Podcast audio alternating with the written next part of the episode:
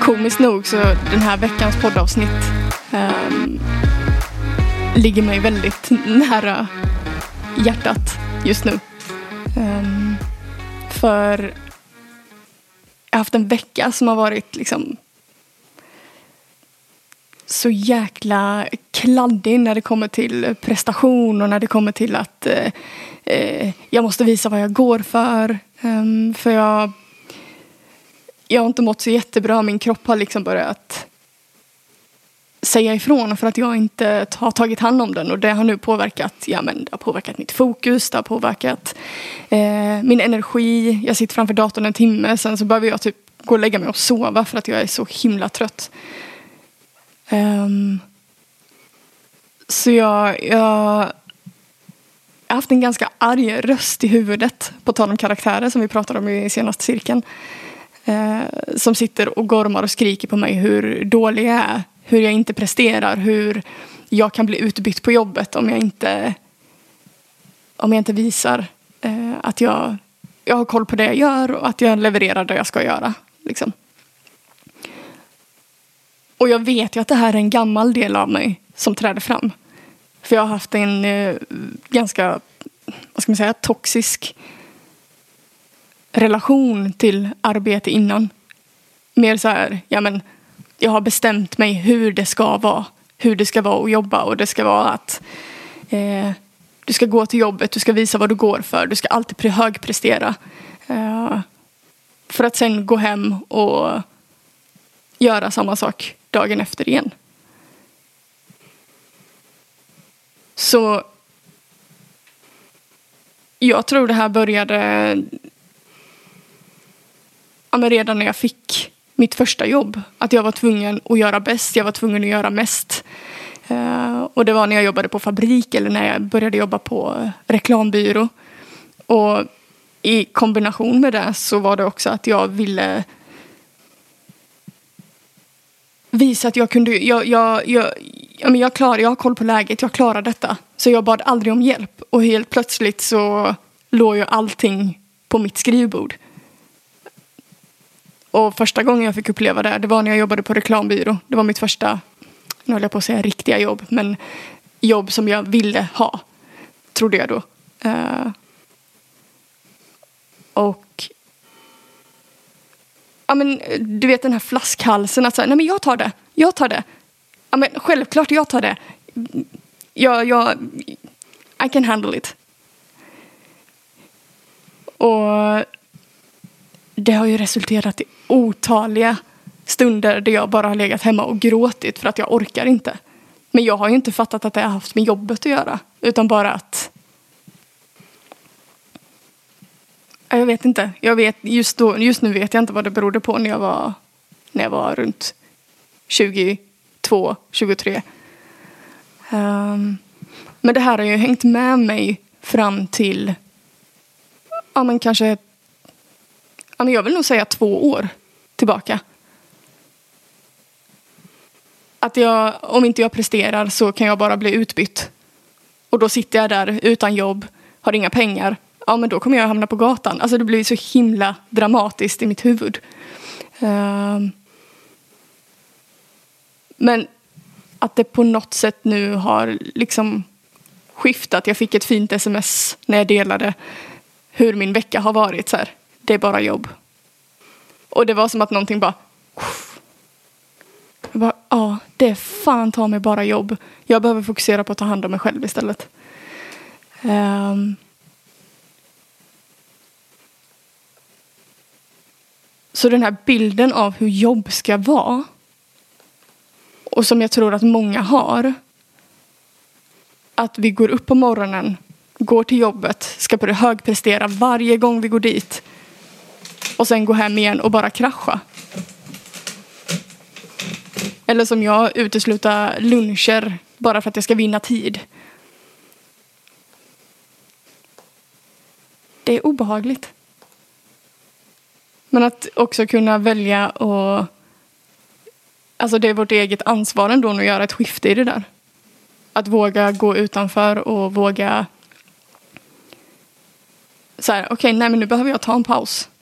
Nu behöver jag gå och käka min lunch. Och jag kanske ska sluta tidigare idag för jag, jag känner att min energi börjar ta slut. Och sådana där grejer har jag börjat implementera nu i mitt jobb. Jag kanske behöver ta en sovmorgon idag. Jag känner att min energi är helt slut. Jag kanske börjar jobba vid elva istället. För vid nio. Alltså börja göra sådana här mikrokorrigeringar. Det har gjort underverk för mig. Och den här påminnelsen, det är bara jobb.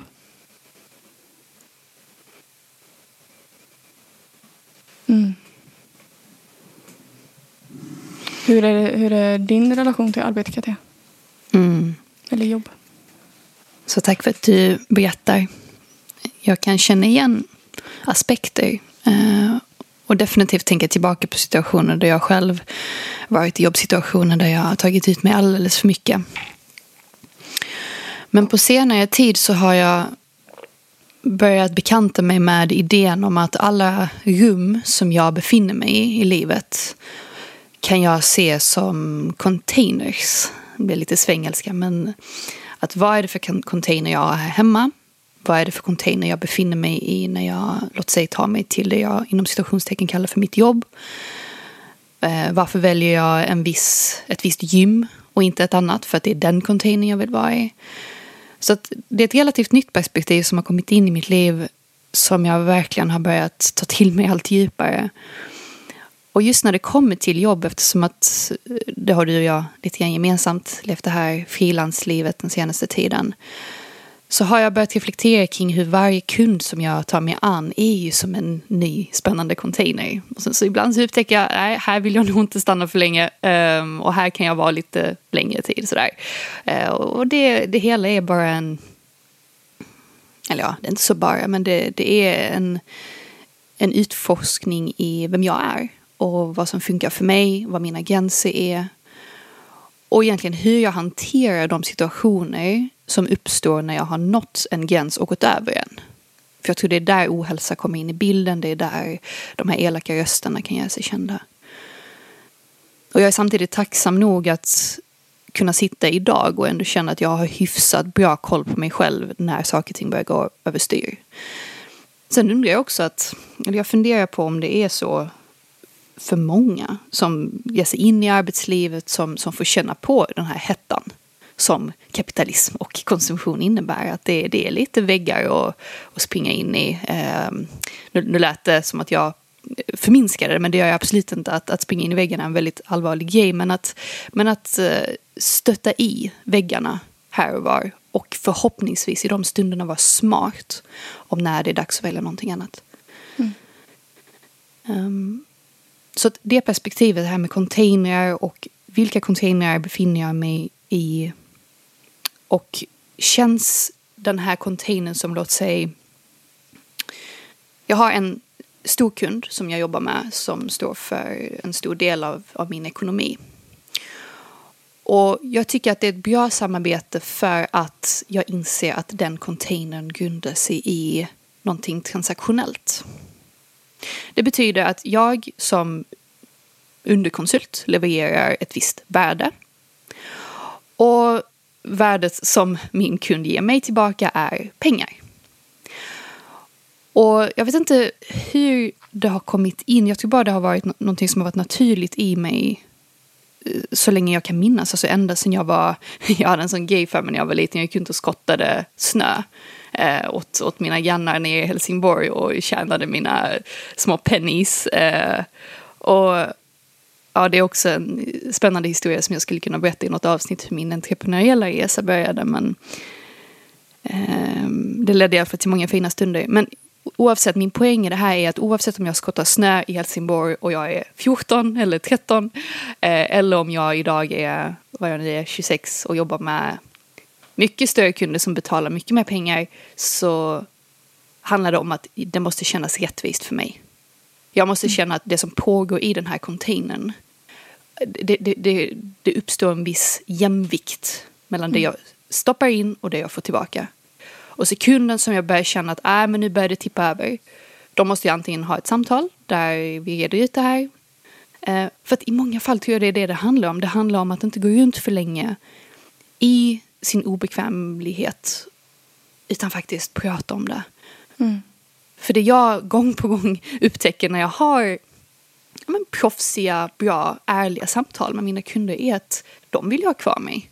Mm. Eh, och de är måna om att jag ska må bra och, och vice versa. Jag behöver också hela tiden stämma av om kvaliteten som jag levererar är enligt deras förväntningar. Så jag tror att samtal är så, så viktigt. Mm. Um, men det är ett litet kliv dit, från att själv känna sina känslor till att sen ta tag i ett faktiskt samtal. Mm. Det kan ju vara en väldigt bra reality check också för vi har jag tror de flesta har en tendens att bygga upp sina egna stories. Och nu tycker den här personen så här. Eh, de förväntar sig det här utan att man ens har liksom uttalat det. Och jag håller med dig, det är ju så otroligt viktigt. Men det går också both ways. Mm. Att den som anlitar eller så här, på, på, båda parter borde ta ansvar för att faktiskt prata om vad det är som ja, men förväntningar, det borde tas på första mötet egentligen. Och sen ha checkups på vägen. Jo, men precis. Um, som, att, som att ha en kravspes och sen följa kundens kravspes och inte nödvändigtvis lägga till en massa saker i sin egna mentala kravspes. Exakt. Um, och sen också, nu vet jag inte om det, om det jag tror säkert att det här är relevant för personer som befinner sig på fasta arbetsplatser också, men ibland så är det inte alltid att kunden, arbetsgivaren själv vet mm. hur den ska specifiera eh, den här kravspecen. Mm. Och, och, det är för gott och ont. För gott för att då eh, är man någorlunda kreativt lagd och framåt och sådär så kommer man ju att hitta lösningar. Men å andra sidan så kanske det leder till att det kommer in en massa onödiga arbetsuppgifter som man själv tar på sig för att man tror att man behöver. Så mm. det, det, ja, för och nackdelar med det. Mm. Men jag tänker det här med föreställningar till exempel. Det var ju det som fick mig att bara studsa in, eller studsa in, det var ett ganska eh, hårt fall in i väggen. Jag minns det så tydligt att jag jag vet att jag kom hem från jobbet och föll liksom ihop på hallgolvet och bara grät och kunde känna hur det bara stack i fingrarna. Och jag hade ju fått tecken innan att det är någonting som inte står rätt till. Men att skita i det. Och vart jag vill komma med det, jag tror jag sa det i något annat poddavsnitt när vi eh, jag tror vi kom in på kärlek eller någonting, eller så är det vi som har pratat om det utanför podden, jag vet inte. Um, men där vi blir inmatade med så mycket information hur saker och ting ska vara. Så här, vi ser kärleksfilmer, ja, de blir kära och sen så händer någonting men sen så hittar de tillbaka till varandra och de blir lyckliga alla sina dagar. Um, det, nu när jag tänker på det, det är ju samma sak med jobb. Alltså kolla filmer med så här högpresterande kvinnor som bara de kör samma race hela tiden, hela dagen. Jag såg en film häromdagen där det var en kvinna som så här, hon jobbade, hon, gick, hon var först på kontoret och gick hem sent på kvällen. Och det enda hon gjorde var att bara satt framför datorn och knapprade, så här, var i sitt arbetsmode. Är det konstigt att vi får den här bilden av att vi måste prestera, att vi måste visa vad vi går för? För det är det som kommer att göra oss, inom citationstecken, framgångsrika och kunna tjäna pengar, kunna sätta mat på bordet. Hur hamnade vi där? Hur hamnade vi liksom kring att fokuset är att vi ska tjäna så mycket pengar? Eller jag upplever att det är det fokuset ligger på. Vilket gör att vi bränner ut oss själva. Vi tar jobb som vi kanske vet ger mycket pengar fast det är egentligen inte där vi vill vara. Mm. Vad är ja. dina tankar kring min rant? ja, att eh, min gissning är att vi hamnar där kollektivt sett för att vi är omedvetna om vad vi själva vill och vi missar möjligheter att eh, checka in vad som faktiskt är viktigt eh, och följer en ja, en yttre röst som säger att vi borde, som du säger, tjäna pengar. Um, och då vill jag, alltså det, oh, det, är så, det är så mångdimensionellt och jag inser och respekterar att alla har sin egen story kring det. Samtidigt så vill jag vara så kass och säga att om det där händer, som det hände, det hände mig också. Jag kom hem från en arbetsplats och bara totalt trillade ner, alltså faceplantade ner på sängen och mådde skit. Men om jag bara kan fånga mig själv i efter att den stunden är över och vara så här, okej, okay, det här hände. Det var, en det, det var en känsloförnimmelse. Det var en signal som min kropp, mitt sinne skickade till mig att någonting är fel här.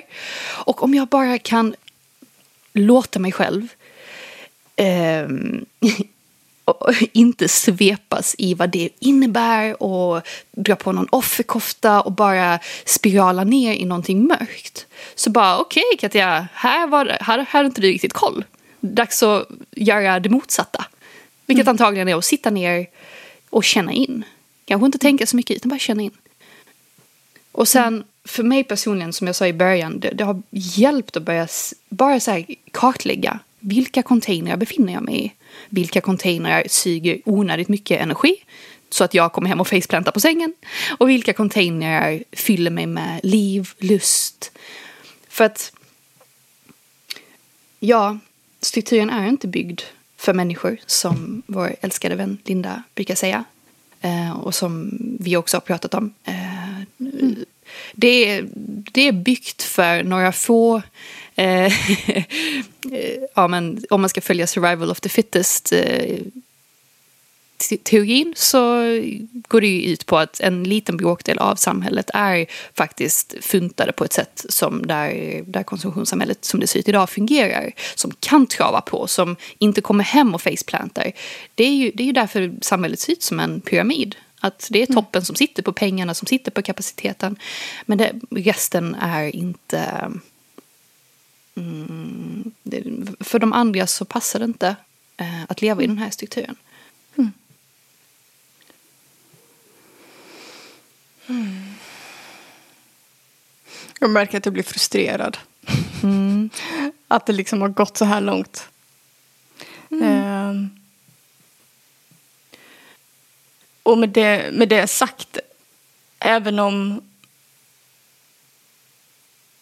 ja, men så här, rent krasst, vi, vi behöver ett jobb för att kunna sätta mat på bordet. Det är det samhället vi har. Det är det vi behöver. Jag vill tweaka eh, den. Kör. Jag vill säga att vi, eh, vi behöver engagera oss i värdeskapande aktiviteter och få lika mycket tillbaka. Lika mycket mm. värde som vi skjuter in ska vi få tillbaka. Mm. Där tror jag vi behöver börja. Mm. mm. Det var exakt den jag skulle komma till. I stole it. Men eh, ja, men precis. Och varför då inte lägga, ja men som du säger, fokuset på att göra saker som skapar värde för oss. Men också med det sagt, det är, det är också en farlig, farlig, farlig, vad ska man säga, grej, farlig grej där, att när det blir kul jag, du, jag, du kan säkert relatera till det när du sitter med någonting som är så inspirerande, kul. Det är lätt att bara så här fokusera där och sen glömma alla basala, basala behov som vi behöver eh, ge kroppen. Alltså vila, mat. Jag, jag, det är jättelätt för mig när jag är fokuserad. Bara, men jag, tar, jag tar lunchen strax. Och sen helt plötsligt klockan tre och jag skulle ätit min lunch vid tolv. Och så sitter jag där och är jättehungrig och förstår inte varför jag inte kan fokusera längre helt plötsligt.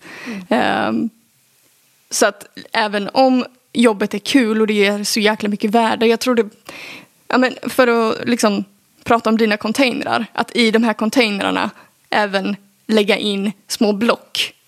Mm så här, okej, okay, vi säger din eh, morgonträning eller vad du nu än gör på morgonen tillsammans med frukost. Sen går du och jobbar, sen har du din lunch vid tolv, har en paus vid tre och kanske tar något mellanmål och sen käkar middag när du kommer hem.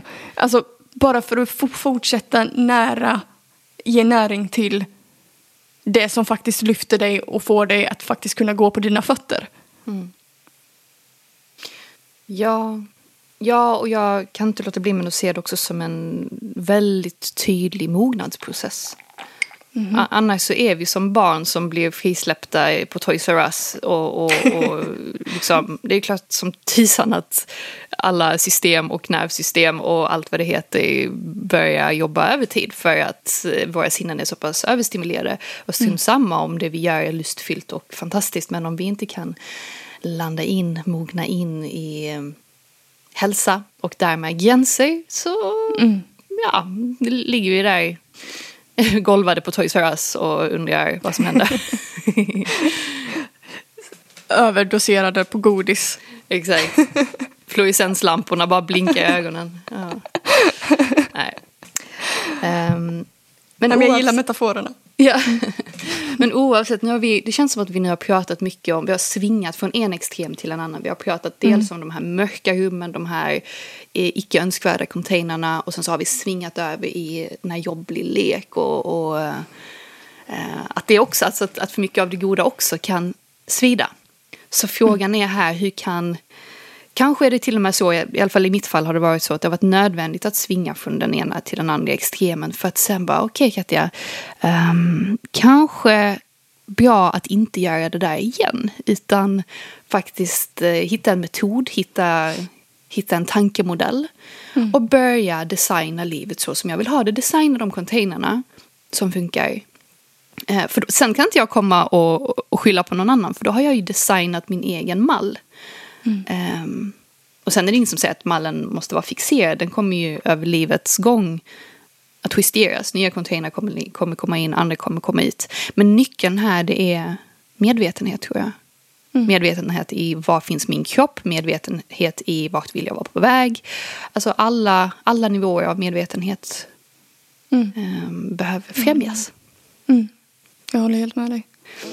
Nej men balans tänker jag på och sen också Ja, vi, jag tänker de här olika... Eh, ja, men du sa du... Ja, jag gör på det här sättet nu. Okej, det funkade inte. Eh, men då lär jag mig till nästa gång. Men också att så här, okej, men det kan vara så här, luckor som bara blir kortare och kortare. Är du med på vad jag menar då? Att så här, först har vi en etapp som eh, där jag fick en riktig käftsmäll av min kropp, att jag inte tog hand om mig. Mm.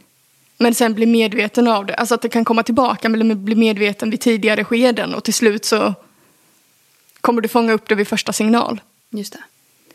Och jag, jag håller också med dig så här att det är ingen annans ansvar än vårt eget att skapa det livet vi vill ha. Mm. Ingen annan kan skapa det livet du vill ha mm. åt dig. Och det innefattar inte bara jobb utan så här, kvalitet. Alltså du sätter din kvalitet på ditt liv. Mm. Mm.